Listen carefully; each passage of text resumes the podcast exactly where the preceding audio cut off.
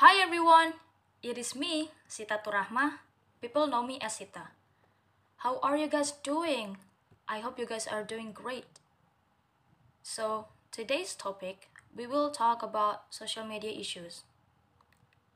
As you guys know, social media playing such a big part in our lives.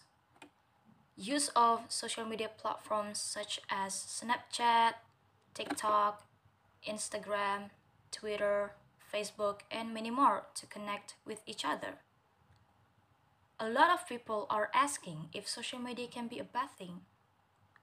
Since there are so many cases have happened caused by social media, especially among teens. Here, we want to focus on the issues with social media. Social media has many benefits. You can use social media to grow your business, you can create viral content, connecting people to people, online learning, and quick access to information and research. Social media is an escape way from reality. If you feel stressed, lonely, or depressed, you may turn to social media to forget your problems. Says Tabitha Goldstaub, chair of the UK government's AI Council, social media can wreak havoc with our confidence, but also can keep us feeling less lonely and more connected. On the other hand, social media has negative effects that concern so many people. Social media can lead to cyberbullying, depression, anxiety, exposure to offensive or illegal content, online dating, sexualized text communication, or sexting. In case you guys don't know what sexting is, according to the American College of Obstetricians and Gynecologists, Sexting is the act of sending sexually explicit messages or suggestive images by cell phone. It happened frequently in real life, especially among teens.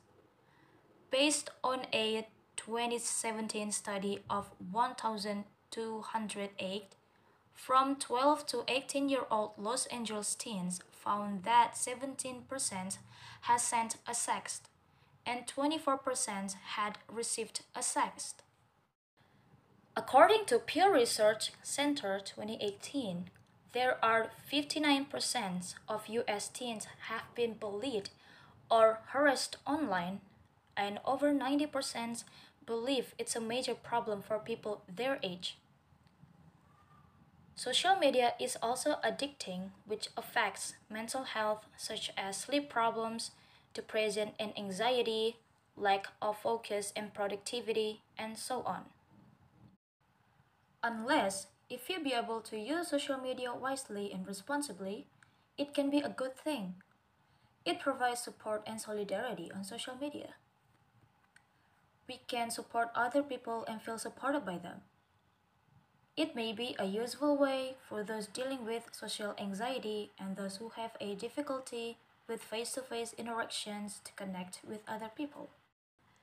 Social media has both negative and positive effects. It depends how you use social media in your daily life. All of the above doesn't mean you can't have social media platforms. You just need to know how use them wisely and responsibly. Be wise and be positive.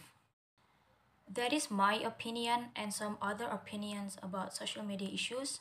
Thank you so much for listening to my podcast. Cheerio, have a nice day, and stay hydrated, everybody.